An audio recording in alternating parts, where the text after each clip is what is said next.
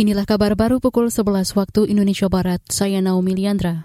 Presiden Joko Widodo menegaskan komitmen Indonesia untuk memulai transisi ke energi ramah lingkungan. Meski begitu, Jokowi menekankan butuh pembiayaan dan pendanaan yang sangat besar untuk melakukan transisi teknologi hijau tersebut. Energi memerlukan pembiayaan, memerlukan pendanaan yang sangat besar, dan akses terhadap teknologi hijau. Bagi negara berkembang seperti Indonesia, harus didukung teknologi dan, didukung pendanaan agar tidak terlalu membebani masyarakat, terlalu membebani keuangan negara, terlalu membebani industri. Indonesia misalnya membutuhkan 50 miliar US dollar untuk transformasi menuju ke energi baru terbarukan dan butuh 37 miliar US dollar untuk sektor kehutanan, guna lahan dan karbon laut. Indonesia dan negara-negara berkembang meminta kontribusi negara maju untuk pembiayaan dan transfer teknologi. Presiden Joko Widodo menambahkan pendanaan dan alih teknologi dari negara maju akan menjadi dua kata kunci bagi negara berkembang untuk mewujudkan penggunaan energi hijau.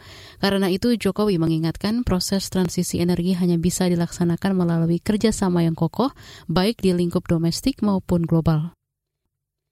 Kementerian Pendidikan dan Kebudayaan Kemendikbud menyampaikan alasan pemerintah tetap menjalankan pembelajaran tatap muka PTM 100% di tengah merebaknya penularan COVID-19 varian Omikron.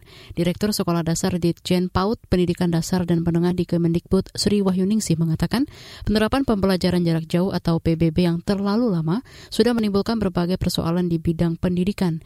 Salah satunya penurunan kualitas atau mutu capaian pembelajaran. Selain itu, selama dua tahun terakhir peserta didik juga mengalami masalah psikologis, terutama turunnya kualitas interaksi sosial.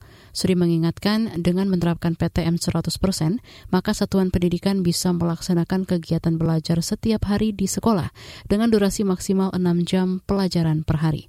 Penyelenggaraan PTM terbatas juga bisa ditutup atau dihentikan sementara kalau terjadi lonjakan kasus COVID-19. Ketika PTM ditutup, maka sekolah kembali ke metode pembelajaran jarak jauh. Menteri Pariwisata dan Ekonomi Kreatif Sandiaga Uno mengatakan balap MotoGP di sirkuit Mandalika Lombok, Nusa Tenggara Barat harus tetap berlangsung. Kata dia, tidak akan ada perlakuan khusus terkait karantina terhadap pembalap kru maupun ofisial yang datang. Untuk itu, menurut Sandiaga akan diterapkan koridor perjalanan antar negara selama pandemi COVID-19 atau travel bubble bahwa satu kali 24 jam travel bubble yang gelembung ini juga dipersiapkan sampai ke titik pemulangan mereka bisa tentunya untuk mengakomodasi dari keperluan para pembalap, kru maupun officials. Menparakraf Sandiaga Uno mengingatkan penerapan travel bubble sudah diterapkan saat pelaksanaan G20 di Bali dan Jakarta serta saat gelaran World Superbike di sirkuit Mandalika tahun lalu. Sandiaga menegaskan selain travel bubble, penerapan protokol kesehatan pencegahan bagi pelaku perjalanan antar negara juga akan lebih ditingkatkan akibat munculnya COVID-19 varian Omicron. Sebelumnya muncul keberatan dari pengelola MotoGP yaitu si CEO Dorna Sport, Carmelo Espeleta, terkait aturan wajib karantina bagi peserta dan kru. Demikian kabar baru KBR. Saya Naomi Liandra.